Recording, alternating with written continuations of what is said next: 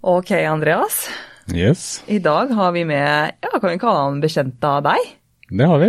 Det er uh, Sondre Sondre Sundby. Sundby? Ja.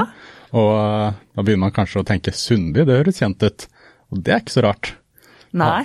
Nei, og vi skal jo komme litt inn på eh, hvorfor, eller holdt på å si hvilken kobling han har til navnet Sundby i denne episoden.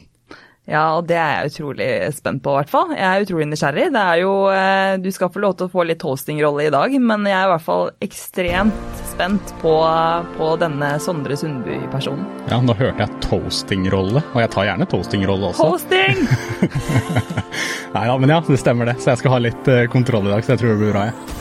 Ok, så vi starter mystisk i dag, og det, det er liksom på MP-plan, det. På maksprestasjonsplan. Ja, Kult. Da sier vi velkommen til Fysisk og psykisk. velkommen.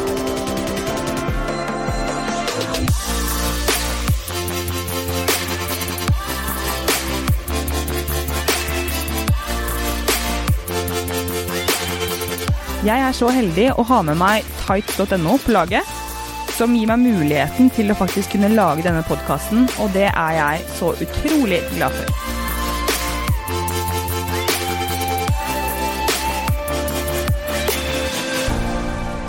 Velkommen, Sondre. Tusen hjertelig takk. Hyggelig at du kunne sette deg litt tid til å komme hit i dag og eh, prate litt med oss. Det setter vi pris på. Ehm, du er jo kjent for eh, to ting. Det er jo én å være usedvanlig kjekk, og eh, to å være treneren til en av Norges kanskje beste langrennsløpere, din bror Martin Jonsrud Sundby. Ehm, og jeg lurer på om du kan kanskje starte å snakke litt om holdt på å si, Gi en liten introduksjon da, om deg selv og din bakgrunn, bare veldig kort. Ja, absolutt. Først og fremst uh, utrolig hyggelig at du synes at jeg er flott å se på, Andreas. Jeg vet ikke Det gjør jeg også. alle andre syns det. uh, men at jeg er in, er, er, er, har en liten At du har et lite øye til meg, det syns setter jeg pris på. Så nei, jeg er jo da Sondre Sundby. Det er sikkert ikke så veldig mange som vet hvem jeg er, som hører på akkurat nå. Eh, jeg er jo da vært trener for eh, Martin Jonsrud Sundby, som da er skiløperen som, som er litt mer kjent enn meg, siden 2013-14. Um, videre så er jeg jo trener for eh, to langrennslag, to privatlag akkurat nå. Martin er jo da blitt en del av det ene langløpslaget. Og så jobber jeg som egentlig fulltidstrener på noe som heter Holmenkollen treningslab, hvor du også er eh, innom en gang iblant. Eh, og så er jeg, jeg er egentlig utdannet PT, utdannet siviløkonom. Fant ut i løpet av siviløkonomutdannelsen at jeg ikke syntes det var så rått å holde på med tall, for jeg drev stort sett når jeg var ferdig med å lese om eh, det som hadde med pensum å gjøre, så dro jeg hjem og så begynte jeg å lese på trening, for jeg syntes det var veldig kjedelig å ikke være oppdatert på trening. da. Så, så der er egentlig i korte trekk eh, så er jeg eh, fulltidstrener i dag og driver Holmenkollen treningslab. da. Ja, kult. Uh, har, du, har du noe idrettsbakgrunn? Ja, jeg gikk på ski til jeg var eh, 15-16 år, eh, men jeg drev med bandy, da. Så det var egentlig bandyen som, eh, som falt i smak hos meg. Så jeg holdt på med bandy videre ut mot eh, senioralder, eh, og, men jeg ga meg fordi eh, det ble for mye med, med studier, og så syntes jeg det var eh, litt morsomt å drive med andre ting i, i helger og sånn òg. Ja. Så jeg fant ut til slutt at det ble ikke, det ble ikke idretts... eh, det ble ikke idrettskarriere på meg, eh, men jeg er jo veldig interessert i styrketrening òg. Det har jeg alltid vært, siden siden jeg var 14-15 år. Det var litt det som Det gikk ikke helt inn i langrennsverden det gjelder å drive på med styrketrening syv ganger i uken. Det var ikke om å gjøre å være størst og sterkest i langrennsbordet. Det, ble- det ble litt tungt å drasse med seg muskulatur rundt i den der konkurranseløypa etter hvert. Ja. Så da så ble det mer bandy, styrketrening. Styrketrening holder jeg på med fortsatt og syns det er dritgøy, så det er egentlig det jeg holder på med nå, da. Nei, men det er bra. Um, men du sier jo at du jobber som trener, og det er eh, vel og bra det. Uh, men hva vil du si på en måte uh, Hva innebærer på en måte det å være en trener, vil du si? da? Hva er dine oppgaver, hvis man skal kunne si det? Hva vil du si det å være en trener, hva er det for noe? Nei, det har jeg jo. Jeg syns jeg har lært sinnssykt mye om det, da. I hvert fall eh, kanskje de siste fire-fem årene. For da har jeg vært eh, borti så utrolig mange forskjellige utøvere. Det er sikkert hundrevis av utøvere som jeg har vært bortom. For jeg, i den jobben jeg har på uh, Holmenkollen på da, så kommer det veldig mange innom for coaching, for trening, for hjelp. De ser jeg bare én til ti ganger, kanskje. Men i tillegg så har jeg trent Martin. I, det begynner å nærme seg åtte år. Uh, og så har jeg trent uh, disse lagene mine, da. Og jeg følger opp utøvere enda tettere, da. Så, men jeg har lært veldig mye av det, og det jeg kanskje har lært aller mest, er at uh, altså det viktigste nesten som når du er en trener, det er jo Du må du må kunne tilpasse deg. Du må være flink med mennesker, for det første. I mine øyne, i hvert fall. Du må kunne se utøveren. Det er dødsviktig. Du kan ikke behandle alle utøvere likt. Så du må være tilpasningsdyktig når det kommer til å, å se utøvere. Alle utøvere, tør jeg påstå, hele verden trenger litt forskjellig stimuli for å klare å bli bedre i det de skal uh, bli bedre på. Mm. Du kan ikke bare kjøre samme linje over alle. Én en responderer bra på at du er dønn ærlig, ikke legger noe ting, noen ting imellom, mens andre som vet du at du må ta hensyn til ting og tang, må kanskje snike inn kommunikasjon på en litt annen måte. Så, så, jeg tror for en trener, da må du være utrolig flink med mennesker eh, for å være god trener. Og så må du være tilpasningsdyktig, så må du klare å lese utøveren og hva de trenger. Da. det er egentlig, det tror jeg er det viktigste punktet. Og så kommer selvfølgelig faglig tyngde, disse tingene her. Men det hjelper ikke å ha faglig tyngde hvis du ikke klarer å, eh, klarer å dra det inn i det utøveren skal gjøre. Hvis du ikke klarer å faktisk få utøveren til å høre på deg eller stole på deg. Og Det ser jeg også eh, veldig mye av. Utøvere som ikke stoler på trenerne sine og ikke høre på trenerne sine. Så, så du, må ha, du, må ha, den formidlingsevnen og, og, se utøveren på toppen. Og så ha faglig tyngde, selvfølgelig. Må jo komme Det er jo reisverket under, da. Mm. Eh, du må jo vite hva du driver med. Ja. Det er jo å skape den tryggheten som mm. du snakker om. Men hvis du ikke stoler på noen, så er det jo helt eh, krise. Mm. Eh, fordi at da vil du mest sannsynlig ikke eh, oppnå de resultatene som du ellers hadde gjort. Da. Mm. Eh, så det handler jo om den tryggheten som, du, som man skaper som trener og som eh, utøver, eller den, eh, det samholdet. Men startet du da som eh, trener for Martin, eller startet du som PT? nei, jeg var, jeg var ble, ble, først PT, og så ja. tok Så har jeg alltid syntes liksom styrke ja, alt som skjer på et styrkerommet, vært interessant. Da. Så liksom det, var min, det, var veien min i starten. Og så var Martin han var ikke så veldig rask da, i starten av sin karriere. Eh, så han drev og tapte mye spurter, han klarte seg ikke i sprinter osv. Så, videre. så da ble det egentlig til at han sa ok, kommende sesong så må du ta av styrke, spenst, eksplosivitet og hurtighet da, for meg. Vi må gjøre noe. Uh, og da var det egentlig for meg å, å, begynne å sette meg ned, lese, studere hva kan vi gjøre. Og da starta jeg med helt blanke ark da, på, på, hvordan vi kan gjøre Martin til en uh, raskere skiløper. da, Som tåler det og, og klarer seg bedre når det har med, med, alt som har med hurtighet og, og fart å gjøre i langesporet. Så da, så da fikk jeg egentlig Han la egentlig kjeven sin nesten i mine hender når det kom til det. Jeg fikk styre akkurat som jeg ville.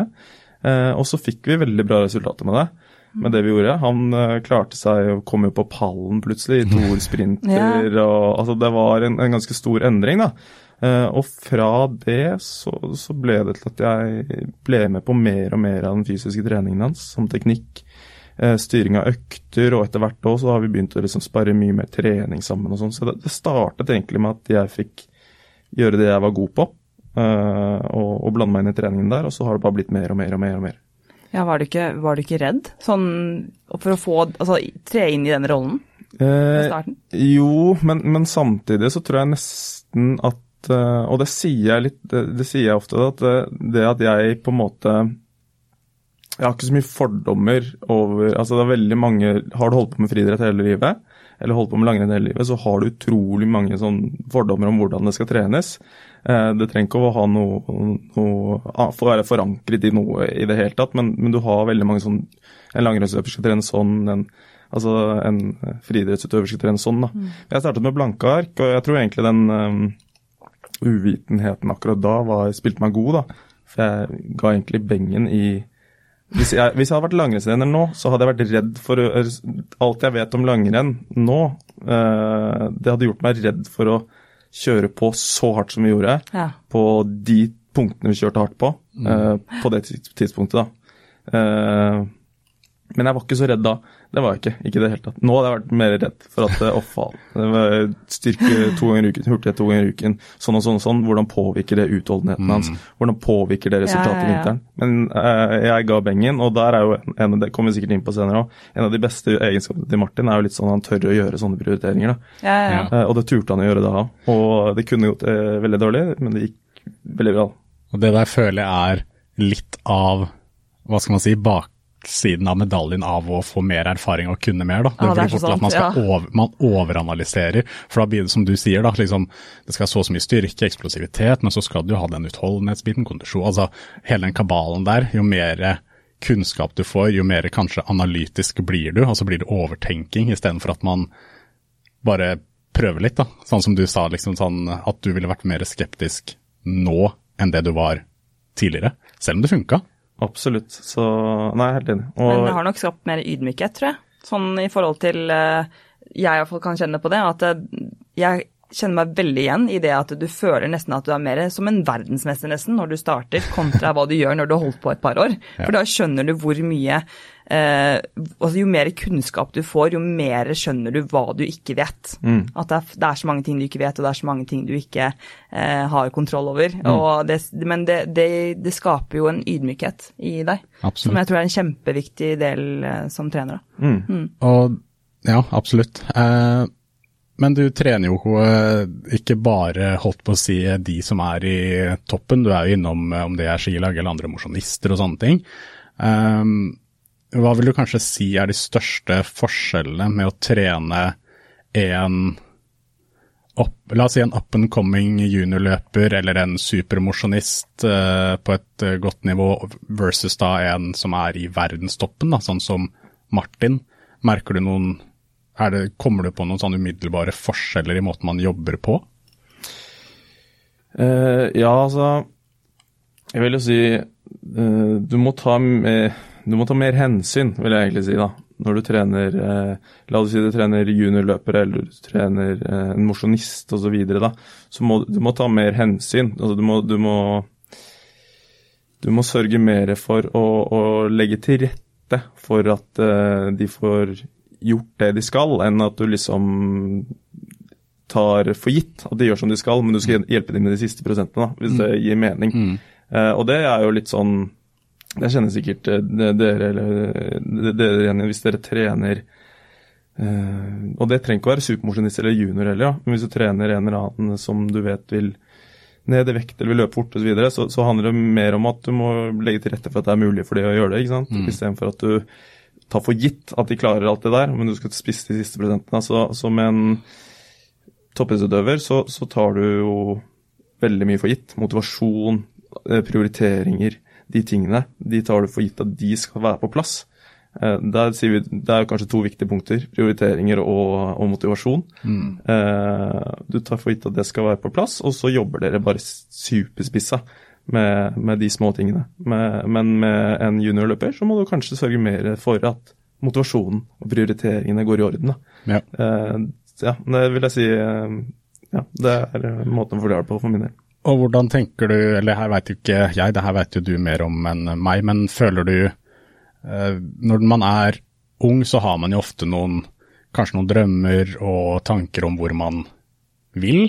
Eh, og føler du at hvis man ser på de som er, la oss si verdenstoppen, og de som er yngre og ønsker å komme seg dit, da, at de som er unge, føler du at, at du må bremse dem litt også, med tanke på at man som ung kanskje bare vil trene, trene, trene, trene, trene, og tenker at det å trene mest er den beste måten å gjøre ting på, og la oss si hvis man i tillegg ikke får i seg nok næring, bare trener, restituerer ikke nok og sånne ting, er det ting du føler mange unge utøvere sliter med, eller er ikke det en oppfatning du har?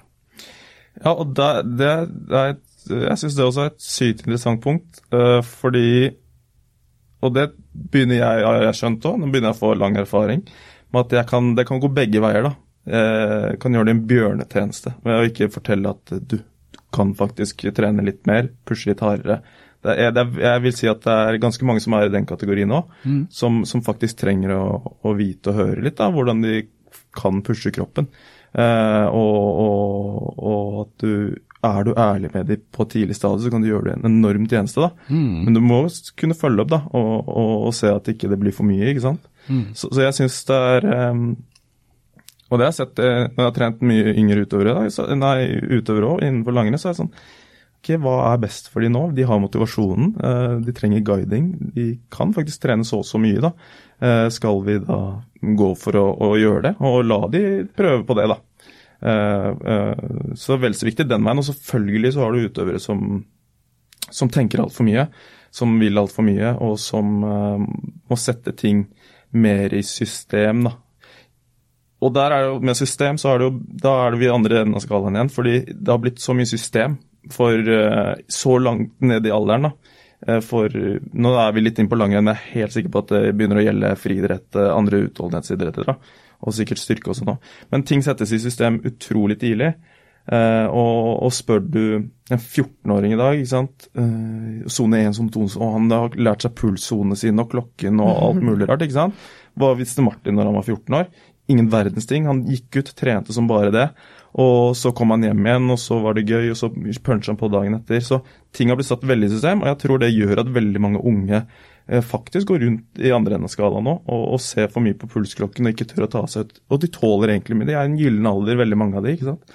Tåler mer juling enn det de egentlig Og egentlig det også skulle jeg til å spørre om, da, siden du kom inn på det nå. Det er jo hva du tenker om disse systemene. Liksom, tror du at eh, unge har godt av at ting settes i system veldig tidlig, eller tror du det er viktigere at de bare, la oss kalle det leker, da, og har det uh, gøy innenfor selvfølgelig den spesifikke aktiviteten det handler om, men at det heller, som du sier, da, at det er uh, like greit å bare komme seg ut og gå på ski og ha det gøy og tenke litt sånn ja, noen ganger så går du raskt og har det gøy, andre ganger så går du litt rolig og daffer av gårde, liksom, men lar ting styres litt ut ifra uh, La oss kalle det motivasjon den dagen, eller hva det måtte være, kontra det at man er superstreng på alt av soner og hele den biten der. Har du noen tanker rundt det? Sånn, da, nå tenker jeg på i ung alder, da. Mm. Eh, tenker du strukturering er bra, eh, eller, eller hvis du For å si det sånn, hvis du måtte velge, skjønner, altså det er jo vanskelig, men ville du sagt at unge bør ha ting veldig strukturert for å komme inn i det og lære sånne ting tidlig, eller tror du det er bedre at de leker og har det gøy, og at det er bedre for å ha flest mulig i idretten, da, slik at folk ikke faller av tidlig fordi det blir for, for uh, seriøst. da. Mm.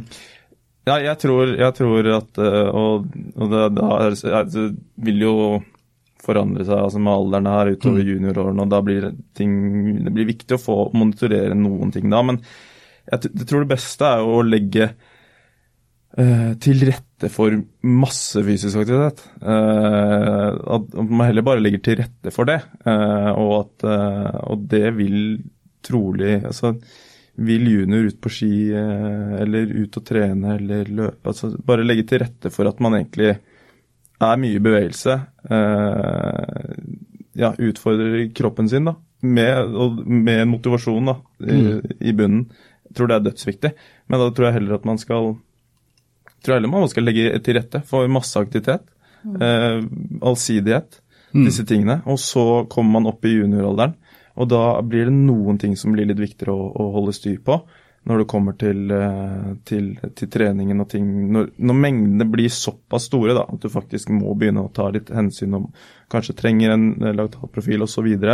Slike ting, eller en standardøkt, eller, eller se at man kan gå på en overbelastningssmell. Da. Er det greit å begynne å legge inn disse tingene når man ser at mengden blir så stor. Men jeg tror i, i yngre alder legge opp til, at, eh, til masse, masse aktivitet, mm. allsidig aktivitet. Uh, og gå den, gå den, retningen. Og med at det skal være morsomt, da, selvfølgelig. Og, og at motivasjonen skal være der. Uh, ja. Det tror jeg er det, det viktigste. Riktig. Og vi, når man kommer inn på det her, altså hva som skal til da, for å bli best, så har det jo vært inne på litt det her med motivasjon. Um, Men jeg veit jo, hvis man tenker Gjert Ingebrigtsen, og så er det noen andre som har ment noe annet, men det er jo ofte diskusjonen Må man Er det mulig, tror du, å bli best i verden eh, ved å gjøre på en måte andre ting ved siden av det å satse 100% Hvis man tar eksempler fra langrennsmiljøet, så føler jeg jo 99% av de som driver med langrenn, studer, langrenn, studerer for å bli leger ved siden av. Det er ganske mange kloke hoder der. Så det der å kombinere toppidrett med studier eller andre ting, tror du det lar seg gjøre hvis du Altså hvis målet er å bli den aller beste i verden, tror du man da må satse 100% på idretten?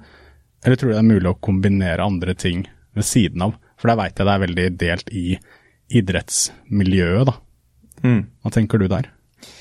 Nei, jeg, jeg, tror eh, Jeg tror nok eh, skal du klare å hente ut absolutt det, altså det Alt av ditt genetiske potensial, så må du på et eller annet tidspunkt uh, finne ut at ok, da er det det jeg skal gjøre. Du må ta den prioriteringen, du må tørre det, da. Mm.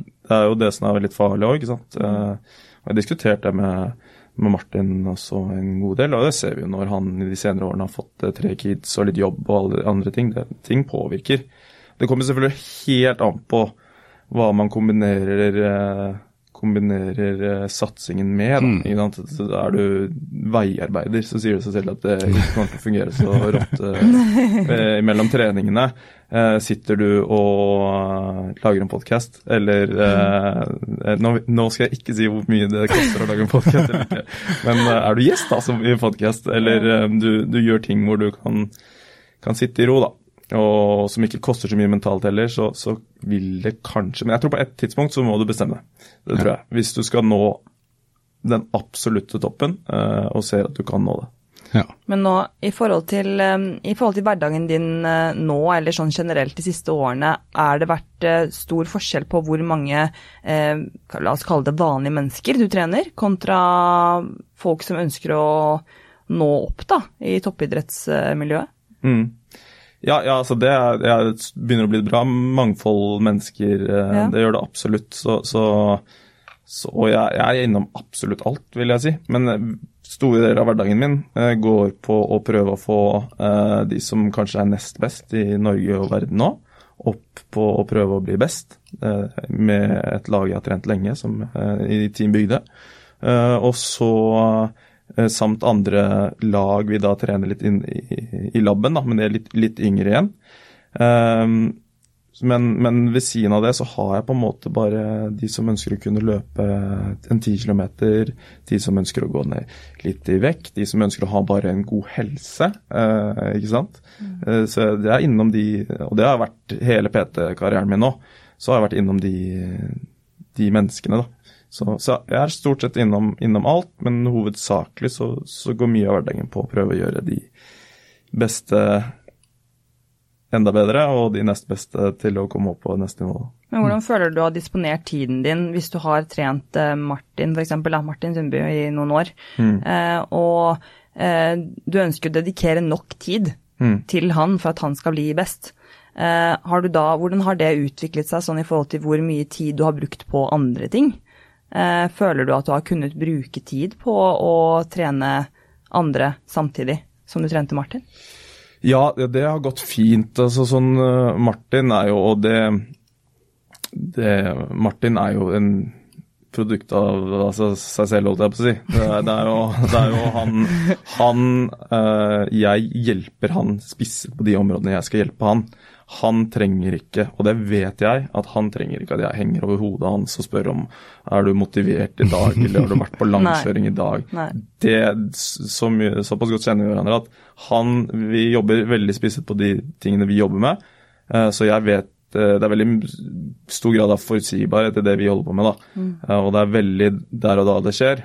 Og ikke jeg, resten av tiden Når vi er ferdig med den økten, så er vi ferdig med den økten. Da har vi sett på de, de klippene da vi eh, diskuterte det vi skal diskutere. Da trenger ikke jeg å tenke på om han gjør jobben. Det har jeg alltid visst at han gjør jobben. Åh, Så deilig. Ja, ja. Det er så bra forhold, liksom. Jo, jo, men, uh, men ja, det, det, trenger ikke jeg å tenke på. Da er vi igjen, kanskje litt igjen på det der forskjellen på en mosjonist eller en ja. yngre junior. Mm. ikke sant? Hvis jeg er en yngre junior, så må jeg tenke på ok, gjør de jobben ved siden av? Mm. Trenger jeg å høre om hvordan det gikk til i går? De tingene der. Da er vi inne på det, det punktet der igjen. Med Martin så trenger jeg ikke det. Da er vi der og da. Vi jobber spisset, rettet. Innimellom så må jeg F.eks. i fjor, hvor det gikk eh, rett til eh, Jeg skal ikke banne, men eh, det gikk eh, Den banna nok i den dokumentaren. Eh, men det gikk ikke så rått, da, for å si det sånn. Eh, da trengte Da måtte jeg sette av mer tid. For da måtte, vi, da måtte jeg være med han mye mer mm. i, i, treningsarbeidet inn mot VM. da. For da gikk det jo til uh, fyken med ryggen hans uh, tidlig. Alt gikk egentlig veldig dårlig hele veien. Fristende å banne nå. Uh, alt gikk veldig dårlig. Det er lov, det er lov. Ja, ok, det er det. Ja. det, gikk veldig, det gikk til helvete, da. hele veien inn mot mm. VM, rett og slett. Mm. Og han skulle til VM, for han var regjerende verdensmester, så han skulle litt uansett å gå. Så i den perioden der så måtte, måtte da måtte jeg se. Nå trenger han mer enn at vi jobber rettet på de øktene. For nå funker ikke ting som de skal. Nå trenger han en som er og eh, ser han eh, på økter, rett og slett. Eh, som er Og det er kanskje en undervurdert eh, ting eh, og en funksjon til en trener. Det er faktisk bare å være der og se på. Ja. Og det er friidrettstrenere. Hvis, du, ikke sant, hvis du spør han Leif osv. Hvis han har Leif som ser på han, når han gjør det han skal gjøre, så kommer han til å være mer fokusert over tid, og så kommer det til å påvirke resultatet. Mm. Samme, Det tror jeg er veldig viktig, og det er friidrett, så ser man kanskje mer av det enn i langrenn, da, hvor de surrer rundt i skogen alene veldig ofte. Mm. Så ser man det på friidrett. Men jeg tror det er viktig for kvaliteten til, til en utøver, og da inn mot VM så ble det mer av det. da. Mm. Ja, nå, nå, er vi jo inne på, på, Martin, så da kan vi kanskje ja, det jeg, det jeg lurte litt på, det var jo Eh, du nevner jo det er jo noen fordeler med Martin med tanke på det her med treninga, at han, eh, han, fikser på en måte mye av det selv. Du trenger ikke å følge så mye med på akkurat det, og det er jo superbra. Men hva vil du kanskje si har vært eh, de største utfordringene? For jeg veit jo de som har sett dokumentaren, vet jo at dere har hatt et tett bånd hele livet. Og et godt, eller ikke bare godt forhold, men ekstremt godt forhold. Mm. Um, men for de som ikke har sett det, så hva vil du si er kanskje det som har vært mest utfordrende da, med det å jobbe med Martin? Uh, ja, det er et godt spørsmål. Men jeg tror at uh, det vil kanskje være blanding av roller. da. Du har broren hans, du har kompisen hans, og så har du treneren hans. da. Mm. Uh, og så må du vite når du er på jobb og ikke. da, og Egentlig så er man litt på jobb hele tiden. da, ja. mm. For det handler egentlig bare, altså, det handler jo om at han skal gå fortest mulig på den og den distansen, ikke sant. Og det gjør stort det hele tiden, da. Så, så, og da må man, man må svelge noen kameler eh, i løpet av eh, et år og en sesong. Det er på en måte, det blir fort sånn i, i trener-utøverforhold at eh, det er utøveren som er i fokus. og Det er utøveren som teller, det er prestasjonen som teller. Det er prestasjonen Nå er vi på toppnivå igjen, da. Det er prestasjonen som er det aller viktigste. ikke sant? Så da handler det om å legge til rette for det hele tiden. Mm. Så spør han om fader, jeg glemte laderen min i Oslo når vi var på Sjusjøen. Ja, eller kan du gå på butikk, kan du fikse det? Ja. Så vet man da, ok, du skal ligge med beina høyt, da skal jeg gå og fikse det. Mm. Hadde jeg vært broren hans, faen, du gå og fikse det selv. Ja, ja. Mm. Så skal jeg gidde å gjøre det. ikke sant? Eller det ville jo mm. med broren din, da, så ville du kanskje sagt det. Ja. Du ville ikke eh, holdt på sånn. Så, så det er blanding av roller. Du er egentlig litt på jobb hele tiden. Du må vite hvilke Og det er kanskje viktig, du må vite hvor du skal sette ned foten og ikke sette ned foten da, hele mm. tiden. Mm. Men jeg tror det har vært viktig for oss òg. Det er en utrolig sånn gjensidig respekt da, som ligger i bunn, som gjør at taket er veldig høyt. Og da går det liksom fint. Hadde ikke den respekten ligget i bunn, da kunne det oppstått uh, sikkert uh, ganske mange hissige situasjoner. da. For det lurer jeg litt på da, sånn uh, føler du at begge er veldig flinke til å skru av og på, på en måte, da, i form av nå er vi på trening, og la oss si det går en kule varmt der, liksom. At uh, det er litt høy temperatur, og man uh, eventuelt om man diskuterer eller hva det enn måtte være. Men når økta er ferdig, så er bare da bytter man holdt på å si nesten personlighet, da, og da, da, er det borte. Og så er man kompiser etterpå, liksom, uten at man tenker på det. Er det. Føler du det er litt sånn, eller? Jeg føler at vi er sinnssykt gode på det. Ja. Uh, jeg er også en som som kan Jeg ser også ærlig og direkte, på en måte, da. Og han er jo det, han også. Altså, det kan jo oppstå Vi har noen heftige diskusjoner, det kan vi ha. Og det kan gå noen, noen kule varmt. men, men har vi det, da kan vi få en melding etterpå. Vi, jeg husker vi hadde en svær diskusjon om Han prøvde å belære meg noe som jeg visste mye bedre enn han, og det ble en heftig diskusjon, selvfølgelig. Uh, uh, og, uh, og, da husker jeg sånn rett, rett etterpå, da, så har vi hatt en ganske liten sånn krangel, heftig mm. diskusjon, mm. og stått på hvert vårt og holdt på og styrt, da. Mm. så sender jeg en melding etterpå. herlig med det, bra med diskusjon, og faen, mm. sånn må vi ha det. og litt i hjertet. Altså, så, sånn, er, vi skjønner hvor, hvor, vi er da, ja. hele tiden. Ja. Så, så, så, ja, av og på-knappen, den er viktig, og den er der. da, og, og, den har man bygd opp eh, i løpet av mange år. Og igjen, der ligger den, den respekten eh, som, som grunnpilar da, til at det skal gå greit. Mm. Hvor mye pleier dere å være sammen, sånn til vanlig? Nei, eh, nå jobber vi jo altså Nå driver vi mye rart sammen. da. Eh, nå ja. jobber vi jo sammen litt uh, på, på, visse prosjekter, og vi, vi ser hverandre en, en, god del. altså. Så, men vi har alltid pleid å ha ja, to faste økter i uken. Inn mot vinteren blir det mer. Sånn, så, ja. så da ser jeg han to, tre, fire ganger i uken plutselig nå. da. Vært mer de siste årene, faktisk. Mm. Ja, så hvordan, ja da, det syns jeg er veldig interessant. Da. Hvordan er det du legger opp treningen for, for Martin sånn i forhold til uh, sesongene? Hva jeg blander meg i og ikke blander meg i osv.? Ja. ja. Nei, da, da, pleier vi Det vi pleier å gjøre, er jo egentlig og der jeg Altså, en skiløpers trening, den er den er bygd opp av ganske mye som er satt av fra før. Så tror jeg de råeste de klarer å ta tak i de siste prosentene og gjøre de helt sinnssykt rå. Eh, så, så, mye er jo egentlig satt av i en skiløpers eh, hverdag på, på toppnivå. Eh, så pleier vi å ha et evalueringsmøte etter sesong. Hva gikk bra, hva gikk dårlig? Hvilke ting skal vi jobbe med mot neste sesong? Da blir det viktig for min del å ta tak i teknikk, ta tak i disse styrke, styrke Eh, hvordan skal vi legge opp de tingene der. Eh, og så kan jeg også, og det tror jeg er veldig fint for Martin, at jeg har sånn overordnet han er jo i nuet på seg selv og prestasjonen sin hele tiden. Jeg har veldig sånn overordnet bilde. Så da må jeg prøve å finne de punktene vi kan fokusere på og bli råere på, og diskutere de med han, som kanskje ikke han ser, men som jeg ser. Eh, og det gjelder ting ikke sånn, men det gjelder også kanskje generelt i treningen. da. Og da staker vi på en måte ut i retningen vi skal, og så ja, så Da finner vi de, de, punktene vi skal jobbe mot neste sesong, og der kan jeg være med å utfordre han litt da også. Og så durer han i gang med veldig mye av tradisjonell trening, og så har vi disse retta, spissa punktene som vi hele tiden jobber med da, inn mot sesong. Så da igjen, da er 90% liksom det styrer han selv. Mm. Det gjør han. Han vet hva han skal. Uh, men vi kan ha den diskusjonen før sesongen starter på om de 90 skal se litt annerledes ut, da, mm. f.eks. Og så går det, og han styrer deg selv, og det er ikke nytt, han skriver ikke treningsdagbok lenger. eller altså, ikke sant, Jeg har prøvd å få ham til å gjøre det, det går ikke, det er ikke sjans i havet. altså De tingene der. Så, så Men, men um, jeg tror, de, jeg tror de, de, tingene man kan jobbe veldig rettet mot, de små punktene, de, de er veldig, veldig viktige. da. Kan du nevne noen av de som er sånn for Martin?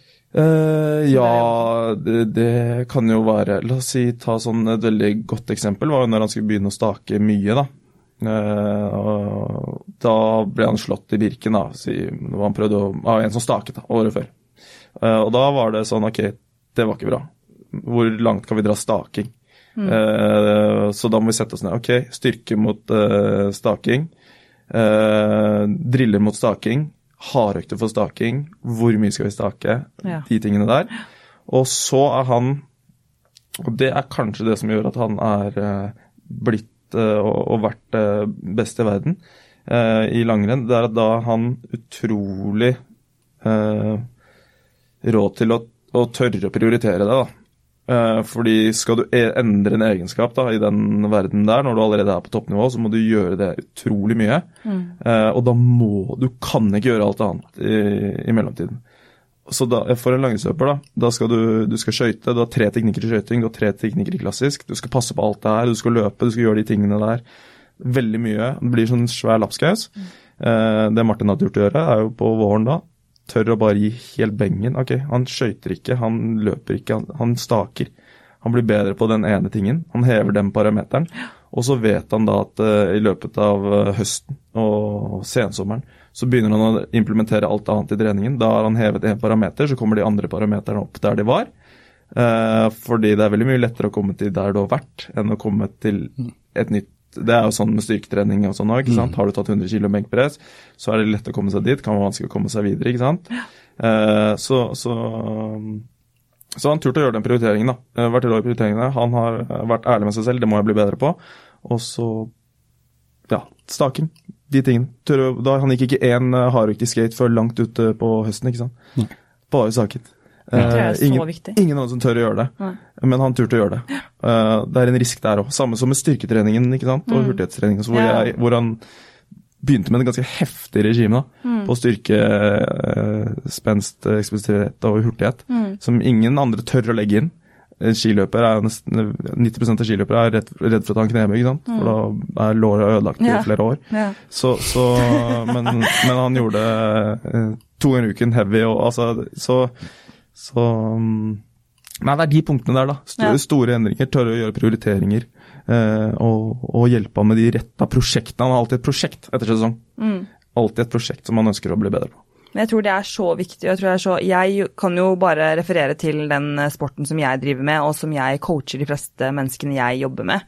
Eh, det er jo crossfit, og mm. der skal vi jo være gode i alt, mm. ikke sant. Mm. Så da jeg starta, så var det jo bare Jeg trente jo bare på alt. Og så var det sånn alle sier at du burde velge noen ting som du prøver å peile deg ut, sånn at du prøver å heve det nivået på de øvelsene mm. før du begynner å fokusere på noe annet. Mm.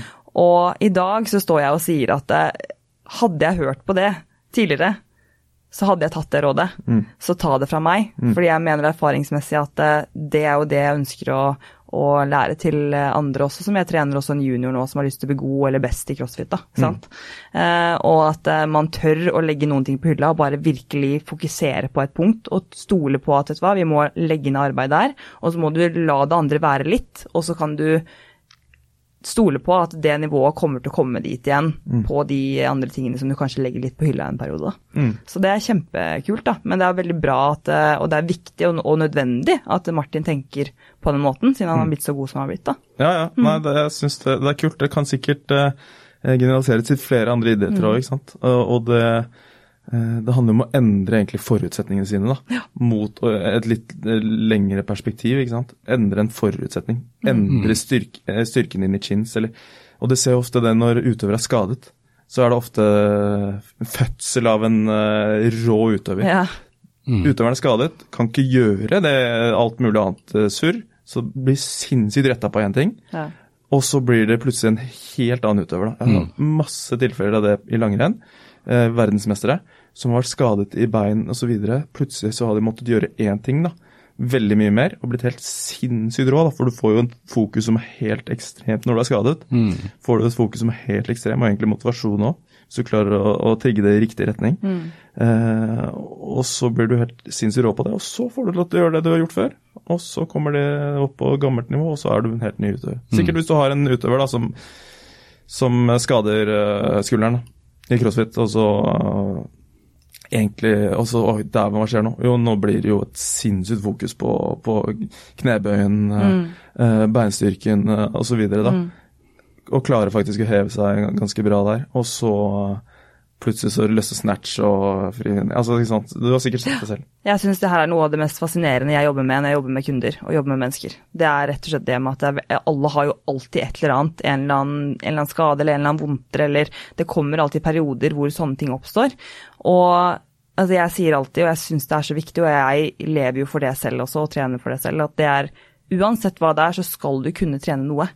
Så hvis du har eh, et problem med beinet, eller du ikke kan gjøre noen ting i underkropp, så har du masse du kan bli bedre på i overkroppen. Eh, og bare prøve å rette fokuset mot de tingene du kan få ut av den perioden. Og jeg altså, føler samtlige mennesker jeg har jobbet med, og meg selv, inkludert meg selv, har eh, forbedret meg utrolig mye som atlet og som person, og generelt i sporten, på grunn av det. Mm. Så det er veldig kult. Mm. mm. Jeg syns det er artig tema. Men det, ja, eh, og det jeg lurer litt på, nå har vi snakket litt om eh, Martin også, men eh, hvis vi ser på en juniorløper versus da en senior- eller eliteutøver på seniornivå, uh, uten at man skal gå veldig inn i prosentfordeling i soner og hele den biten der, men er det stor forskjell i hvilke kvaliteter eller hvordan en ung løper bør trene, og en som er eldre? Da tenker jeg f.eks. bør en uh, ung utøver ha mer fokus på sitt maksimale oksygenopptak f.eks. Eh, versus da en som er eldre, bør de trene mer utholdenhetsegenskaper, eller hvordan eh, Har du noe å komme med der? Ja, absolutt. Og, og, og, det tror jeg vi ser ganske ofte at uh, Altså, man ser ofte at junior og yngre løpere faktisk kanskje trener litt feil, da, fordi de har lyst til å trene sånn som de beste gjør. Og, men de beste har helt andre behov da, enn eh, disse utøverne. Så, så, det ser jeg veldig ofte når jeg har vært med juniorløpere osv. Og, og da vet vi jo at uh, Og igjen da så er vi med på at da de må få inn det grunnleggende. ikke sant? De må sørge for at uh, for at f.eks. da, og det er kanskje den viktigste parameteren de kan jobbe med ikke sant, i juniorårene, er jo å få denne VO2-maksen sin opp på et sinnssykt bra nivå. Kapasitet er på en måte, det må du få på plass eh, hvis du skal bli en god, god langrennsutøver. Når du er 22 år, eh, mest sannsynlig så har du pika i VO2 maks uansett, da, men hvis du har påvirka kroppen din greit i, i juniorårene. Eh, så for, altså med, med konkret eksempel, altså, har du en juniorutøver, så burde den utøveren jobbe med kapasiteten sin uh, i, år, året rundt. ikke sant? Mm. Langs, de skal jobbe, jobbe mot å ha best mulig kapasitet når du blir 20-24 år. Da skal den være på topp. Har du uh, en som er på topp, som allerede har pika, en i gylne 28-årene som er verdens beste skiløper, så handler det om helt andre ting. Da, da handler det om uh, disse egenskapene, ikke sant. Teknikk, uh, teknikkstyrke, arbeidsøkonomi, tersk, altså det er andre ting som teller. Da, og, da, og, så handler det egentlig bare om å time, om å, om å være på topp når det kommer på kapasitet, sånn når sesongen starter, da. Mm. Uh, så de legger jo opp treningen sin til at det er våren og sommeren er, det er mengde de går rolig. Eh, masse, masse mengde. Ikke harde eh, intervaller. Altså, det er veldig mange som legger opp treninger på den måten. Eh, og så begynner de å steppe opp litt på, på, på, hjertestimuli inn mot sesong, sånn at de kommer seg opp der hvor de vet de kan være igjen, da, kanskje inn mot sesong.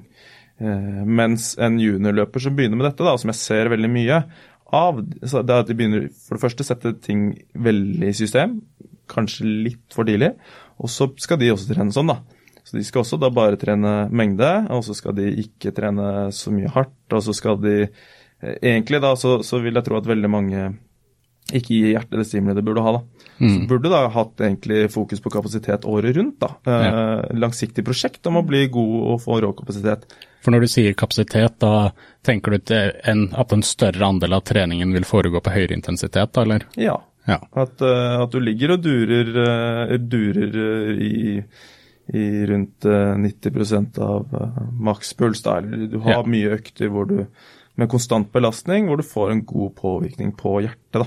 Hmm. For jeg tror, som du sier nå, så det finnes jo uh, mye faglitteratur og bøker hvor man kan lese eller se liksom hvordan er det de, la oss si, beste trener, da. Og da får man jo ofte soneinndelinger uh, og sånne ting i sånne kakediagrammer og sånn, hvor det står liksom, hvor man ser fordeling av de ulike sonene. Mm. Hvor man ser at uh, hos de beste i toppen så er jo veldig mye ofte utheva i grønt, type sånn sone 1 eller hva nå enn måtte være. Mm. Og som du sier da, at man som ung tenker at man må jo trene som de beste for å bli som de beste. Mm. Så blir det som du sier, da, at det blir veldig mye fokus på disse I1 eller I2, altså sone 1, sone 2-økter, mm. hvor man kanskje heller bør prioritere det litt eh, annerledes, som du sier, da, for å få opp eh, kapasiteten i ung alder. For det er vel også da den er mest trenbar, er det ikke det? Jo, altså man ser jo det. det er Martin har ikke hatt høy rot han siden han var 22 år, på en måte. Nei. Men han har fortsatt blitt helt sinnssykt mye bedre på ski. Men da kommer alle disse andre parameterne inn, ikke sant. Mm. Eh, og, og, ja, den gylne alder vil jo være i det er vanskeligere å, begynne å trene kapasitet når du er 25 enn når du er 15. Da skal jeg legge den på hylla, den er grei. Det ser, det ser, jo, det ser jo Andreas òg, at eh, dæven steike, det skal mye til for at han skal blåse noen sinnssyke tall når han har startet med utholdenhet i litt uh, høyere alder. Ja, det er uh, håpløst. Det der det er, irriterer meg, ass. Det er et, det er et hardt, hardt uh, game, det der. Så, så absolutt, fokusområdene må være annerledes for en juniorløper kontra en som er verdens beste. Sesongoppbygningen må være annerledes for en juniorløper.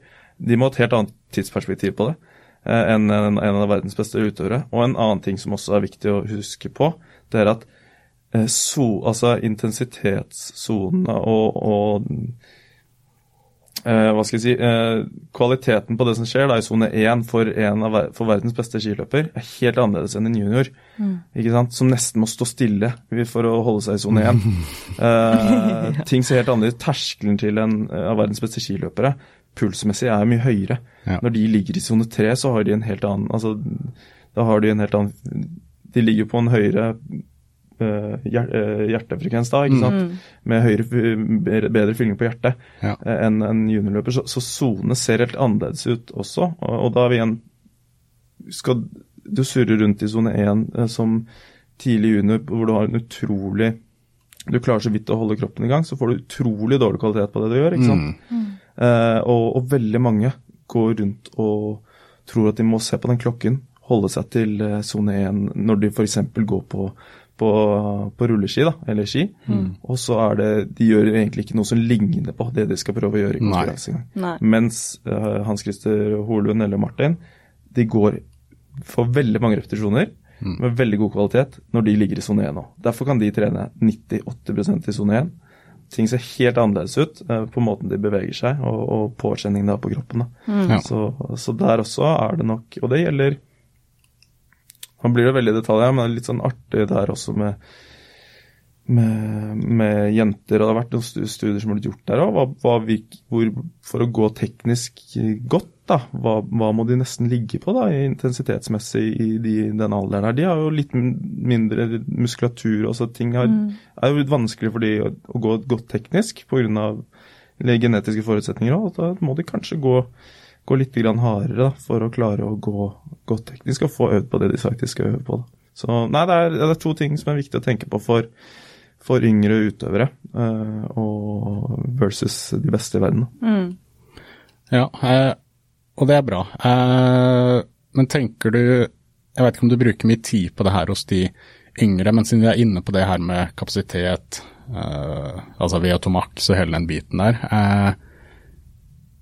Pleier du å bruke mye tid på å lære eller la oss si, om man skal si utdanne yngre utøvere i form av For det kan jo være også at folk har eh, en, Eller for å si det sånn, da. Pleier du å eh, forklare de hvilke egenskaper som utvikles i, uli, eller i løpet av ulike typer økter, slik at de selv vet liksom ok, med den økten her, så istedenfor å bare bli fortalt at ja, du skal ha en, la oss si en sone fire-økt, da, så er det sånn mm. ja, men hvorfor skal jeg gjøre det, på en måte, hva, hva, er hensikten med det, slik at de også vet ok, har jeg den og den økta, så er det de kvalitetene her jeg ønsker å utvikle. Da bruker du mye tid på sant hos yngre, eller kommer det seinere, eller bruker du ikke tid på det i det hele tatt?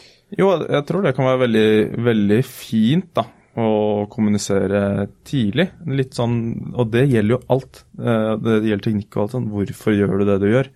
Da, altså, hvis du klarer å kommunisere det tidlig til en ute hvorfor du gjør det du gjør, så blir alt mye, mer, altså blir mye lettere for dem. Mm. Uh, å motivere seg, ikke sant. Og, og, til å gjøre ting med kvalitet. Uh, så, så, det å forklare hvorfor de gjør Hvorfor løper du den langturen din? Hvorfor skal du løpe den uh, i fire-intervallen i motbakke? istedenfor å løpe i nedoverbakke eller kupert. Hvor hvorfor skal du gå lenge, ha en lengre økt hvis du skal gå i sone tre, terskel, mm. enn i fire osv. De tingene der tror jeg kan være veldig fint å kommunisere. da. Så hele tiden, Og det er veldig viktig òg, for det er veldig få som vet. ikke sant? Mm. Og da gir ting mye mer mening. Eh, og samme, det tenker jeg alltid på når jeg jobber med teknikk òg du kan ikke bare få høre at du skal ha hofta høyere. Du må vite hvorfor hjelper det meg mm. til å gå fortere. Altså, mm. Du må mm. alltid vite mm. hva meningen bak det er. Um, så, så nei, er absolutt viktig å kommunisere meningen bak det de gjør. Mm. Tror jeg, Å gi trening mening for dem, det tror jeg kan være helt sentralt. da. Og den forståelsen òg. Det sier jeg alltid. Verdens beste, i hvert fall er det sånn i langrenn, de som har blitt best i verden, de har gått sin vei. det er ikke noe trener, det er ikke noe Gjert Ingebrigtsen som har stått i skimiljøet og jobba og sagt at eh, og styrt hver bidige minutt som alle verdensmesterne vi har nå, alle på landslaget, det har gått helt sin egen vei. De styrer veldig mye av sin egen trening, men det settes inn i rammer, og de får guiding på veien som gjør at det blir bra. Da. Så Starter man med den guidingen tidlig, så klarer disse utøverne å finne sin fin, rett, fin retning og sin vei. og det, ja, det, tror jeg er helt sentralt. Da, for ja. En veldig viktig egenskap hos en trener, i hvert fall. Ja, ja. Veldig. Og så tror jeg det som kjennetegner god trener også, det er jo den at du kan svare på hvorfor, som mm. du var inne på. At mm. du skal alltid kunne svare på det mener i hvert fall jeg. Mm. At jeg skal alltid kunne svare på hvorfor jeg har lagt opp en økt for noen, eller mm. hvorfor den øvelsen hjelper for eh, den type teknikken, eller hva det hjelper for, mm. eller eh, hvorfor, hvilke stimuli vi skal oppnå, og hvorfor. Mm. Eh, for det er den hvorforen som jeg tror at eh, veldig mange veldig mange kanskje kan eh, slenge ut litt mange programmer eller gi litt mange tips uten å vite egentlig helt selv hvorfor de gjør det. Mm. Eh, så jeg tror det er kjempeviktig og det kjennetegner en god trener. Og du, du i hvert fall har jeg oppfatning av å være en veldig god trener, så det vil jeg bare få sagt uh, med en gang. det gjenstår å se. Jeg blir en god trener hvis jeg får flere enn Martin opp i, helt opp i den oh. videste verdenstoppen. Ja. Det er spennende så, å se. Hvis du klarer å få meg opp i verdenstoppen, så da er du da skal jeg ha en eller annen uh, Nobelspris hvis jeg klarer å få deg helt opp i Eller kanskje jeg skal begynne med langrenn? Kanskje jeg skal begynne å bare gå over? Hvis du ba, bare er utfor, så er jeg godt kvalifisert, tror jeg. Hvis du bare går rett fram, ned hele veien. Ja, ja, ja. Hvis du går ned. Ja. Nei, men eh, jeg lurer også på Vi skal begynne snart å runde her, men det var eh, For vi har jo snakket litt eh, Du var inne på det her med bruk av pulsklokker, ting skal struktureres og sånne ting. Eh, og så vet du at laktat det blir jo bare mer og mer populært, og det er flere som bruker laktatmålere. Eh, flere som ønsker å eh, få målt både sitt maksimale oksygenopptat og laktatterskel og hele den biten der. Eh, føler du, eller tenker du at laktatmåler egentlig, eller har med seg det på trening, da? Eh, for jeg veit jo uh, Ingebrigtsen og hele den gjengen der bruker du så å si hele tiden. Mm. Og er veldig strenge på akkurat intensitetsstyring med laktat og sånne ting. Mm. Tenker du det er noe som er egentlig vits å investere i selv og bruke sitt treningsarbeid? Eh, og i så fall, eh, hvis det er det, er det kun på en måte eliteutøvere på eh, nøkkeløkter, eller altså, hva er din tanke rundt bruk av laktat da, for å måle eller ha styring på intensitet? Det kan være greit å nevne litt sånn rundt hva laktatprofil er også, for mm. ganske mange. Mm. Ja, nei, jeg, jeg tror jo um, jeg tror jo altså det, kommer nok litt an på idretten du driver òg. Altså, friidrett er det nok ganske mye lettere å monitorere. Jeg pleier å kalle eh, langrenn en grøtsport, fordi det er så mye forskjellige egenskaper som spiller inn. Det er over og under eh, terskel hele tiden. Du er på 120% av VO2 max, du er under altså det er, det, er, det er, rett og slett en grøt, da. Men, men, det viktigste tror jeg er at du kan bruke en Hvis du skal bruke en laktatmåler, til å bruke det litt til å forstå hvordan det skal kjennes ut. da. Å være rundt terskel, litt over terskel. De tingene der, å bruke det som på, på egentlig sånn at du klarer å kjenne selv, da. Eh, og skape en forståelse av, av, opplevd anstrengelse og det som faktisk skjer inni kroppen din. Det tror jeg er kjempefint. Ja. Eh, og det er veldig spennende òg, eh, hvis du går til landslaget eller Martin. Hvor mange laktatmålinger har han hatt i løpet av de siste åtte årene? Det er sånn fem stykk som jeg har ja, Litt flere, da. Men det er, eh, du kan telle det på to hender. da, Hvor mange jeg har presset på han. Mm. Bare der og da, fordi jeg har lyst til å se faktisk hva han ligger på. da. Ja. Eh, samme med landslaget. Er du med på øktene deres eh, i langrenn? Er du med på øktene deres rundt eh, eh, eh et helt treningsår, så er det De, de drar fram laktatmåleren hvis de er i høyden bare fordi det er litt viktigere der. Ja. Uh, de vet uh, og kjenner til uh, hvordan kroppen kjennes ut. De vet stort sett alltid hva de har i laktat. Det har de lært, da. Men de, da er du helt, helt avhengig av å lære det på et eller annet stadie. Så da tror jeg kanskje da når du kommer opp i junioralder og faktisk har behov for å, å lære deg, da. Ok, jeg ligger sånn ser det ut på klokken, men jeg måler ti her i laktat. Uh, jeg har bikka terskel. ikke sant? Eh, hvis du, hvis du, lærer deg der å kjenne ut området rundt terskel, under terskel og litt over terskel, i den alderen, så drar du med deg det innover i For terskel, det er jo da i det området sånn pluss-minus der eh, produksjon og eliminering av det man kaller melkesyre eller noe da, eller laktat er ca. lik, da. Ja. Så ligger du over terskelen din, så produserer jo da muskulatur mer melkesyre eller laktat enn kroppen klarer å kvitte seg med. Eh, bare Det er så- jo da å ta ut blod, ikke sant? Ja, det kan, liten blodprøve. Liten Ja. blodprøve. Det er et lite, Ja. lite stikk i fingeren, og så har du et lite apparat som med en sånn liten strips på, på en måte, som du Mm. tar og tar borti en liten sånn dråpe med blod, og så forteller det apparatet deg eh, eh, om du, la oss si, trener, la oss si for hardt eller for lett, eller det der du skal I ligge, forhold til terskel. Ja. Ja. Eh, ja, stemmer. Mm. Så ja, absolutt. Så, så bruke det kanskje litt til å bli kjent med følelsen, og så be- benytte seg mye av følelse. Det tror jeg kan være veldig, veldig bra. Og jeg tror også det, det er veldig mange som går i den fellen at de ser på pulsklokken Ja. istedenfor å faktisk kjenne på hvordan de har det. ja. Og den ser jeg gang på gang på gang. Eh, og derfor er jeg veldig opptatt da, av opplevd anstrengelse. Ja. Du kan se på en utøver òg, hvis de går for hardt eller ikke. Eh, opplevd anstrengelse, det syns jeg er veldig viktig. Få en følelse av hva, hva som er terskel, hva som er I3, hva som er rolig og, og, og litt over. Uh, og så kan du også For jeg har utøvere da, som går rundt og ser på klokken. 'Jeg kommer ikke opp i sone fire i dag.' Jeg kommer ikke opp i sone fire. Uh, kommer det og sier det. 'Jeg klarer bare I3', og så er de helt ferdig. ikke sant? Ja. Opplevd anstrengelse er 11. Det er 22 på Borg skala, ikke sant? Over 20. Og kommer ikke opp i sone. Og det står I4 på planen, og og kommer ikke opp i sone. Hva er det tegn på? Mest sannsynlig så har de en litt sliten kropp. De kommer ikke opp i puls. Uh, og så gønner de heller da på med en økt som er altfor hard. Ikke sant? Istedenfor da, hadde de hatt opplevd anstrengelse av hvordan de skulle ligge, så hadde de mest sannsynlig løst det der mye, mye bedre. ikke sant? Um, så, så den Jeg er opptatt av det. da. Bruke, hvis du skal bruke laktat, bruk det for å, å få kjennskap til hvordan du skal føle deg. Og så bruker du det videre i treningen. Tar du noen målinger innimellom, så er det veldig fint å bruke laktat i en standardøkt eller en standardtest som en laktatprofil og videre. Rett og slett for å måle progresjon. da. Eh, Der er jo en, en sånn test eh, kjempebra. Og der er det jo nyttig å bruke laktat, men det gjør man jo én gang hver åttende uke eller eh, to ganger i år, eller for de som kanskje er på opptrening litt oftere, eller som lurer på litt hvordan ståa i kroppen er, da. Så gjør man det kanskje litt oftere, det, det, eller det er en ting man kan benytte når man trenger det òg, da. Men eh, nei, opplevd anstrengelse er viktig. Du kan også designe øktene, sånn at du vet at utøverne klarer å, å holde seg til det de gjør. Eh, Går du en eh, to ganger 30 minutter, så klarer du ikke å, å gjøre det altså, Da skal det mye til å surre det til noe veldig med intensitetsstyringen. Da.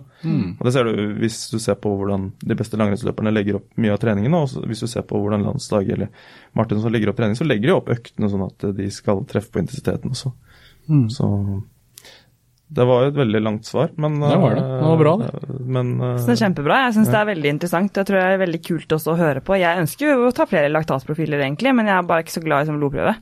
nei, så- det er noen av de òg. Ja, men jeg, jeg er jo veldig for det å eh, Jeg tror det er veldig fint den um, um, Altså det å kunne ha begge deler, å kunne bruke begge deler. Å kunne bruke puls og pulsklokke, og også kunne bruke følelse, som du sier, og følelsen av anstrengelse. For ofte så tror jeg at det, det blir litt eh, I hvert fall jeg er veldig mye flinkere til det enn jeg er til å bruke den pulsklokken. For ofte så kan jeg også bruke pulsklokken og tenke ja, men nå er- ligger jo ikke jeg i jeg ligger jo i sone null. Jeg ligger jo ikke i sone én nå, liksom. Mm. så, så jeg tror at der kan jeg bli flinkere til å bruke puls. Men jeg tror veldig, veldig interessant også det med, med laktatprofil, og også ta hensyn til, eh, til eh, kroppen, da, og hvordan den, hvordan den faktisk har det, og kunne, kunne se på progresjon. Absolutt. Um, nei, jeg veit ikke om du uh, sitter inne med noen spørsmål, uh, Silje?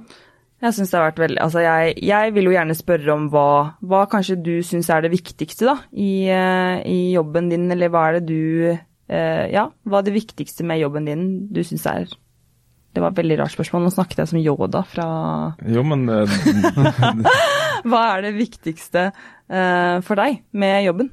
Du, Nei, nei, det er jo å klare å Altså, det vil jo selvfølgelig være at du, du hjelper mennesker. Mot, uansett om du skal Det blir jo litt klisjé å si, men det er jo det vi gjør, da. Eh, men jeg har muligheten til å hjelpe et veldig bredt spekter mennesker. da. Jeg har muligheten til å prøve å hjelpe en, og det setter jeg utrolig og Det syns jeg jo er helt fantastisk. at jeg har muligheten til å prøve å hjelpe en til å bli verdensmester, og har klart å hjelpe en til å bli verdensmester. da. Uh, mens jeg har muligheter altså Han blir like glad for det da, som det Turid blir for å perse på, på Oslo Maraton. ikke sant? Så, mm. så, han har på en måte muligheten til å påvirke mm. mennesker. Uh, og den uh, det tar jeg meg selv i når jeg er borti så mange mennesker, som jeg har veldig respekt også for at jeg har, at jeg har den muligheten. da. Jeg må, jeg må på en måte Det er viktig for en trener også, å skjønne hvilken påvirkning han eller hun har på utøveren eller den de trener. Den, når man går rundt og gjør det over tid, så er det lett å begynne å neglisjere den. Kanskje jeg var altfor hard mot han gutten på 16, som man trengte å høre noe helt annet mm. enn hvor den ærligheten min. Mm. Eh, altså den, den har lagt merke til det er viktig å tenke på den påvirkningen man har på et annet menneske. da. Ja. Det ansvaret man har som trener. da. Det, det, ja, nei, det er viktig. Men det er også det som er, gjør at jeg syns det er gøy. da. Mm. For å svare på spørsmålet. Ja, men har du noen noe tips eller råd til, uh, til, de som ønsker å bli, uh, bli, en god trener, eller trene toppidrettsutøvere, eller trene Det trenger ikke å være toppidrettsutøvere heller, men uh, generelt personlig trener, eller noen som ønsker å påvirke noen andre sitt liv i en riktig retning, da. Mm. Har du ett sånn topptips du føler at du, du kan gi? Um, du, du, må jo selvfølgelig Du må vite om det er det du syns er stas, da. Uh, selvfølgelig. Da er det det du vil. Uh, og så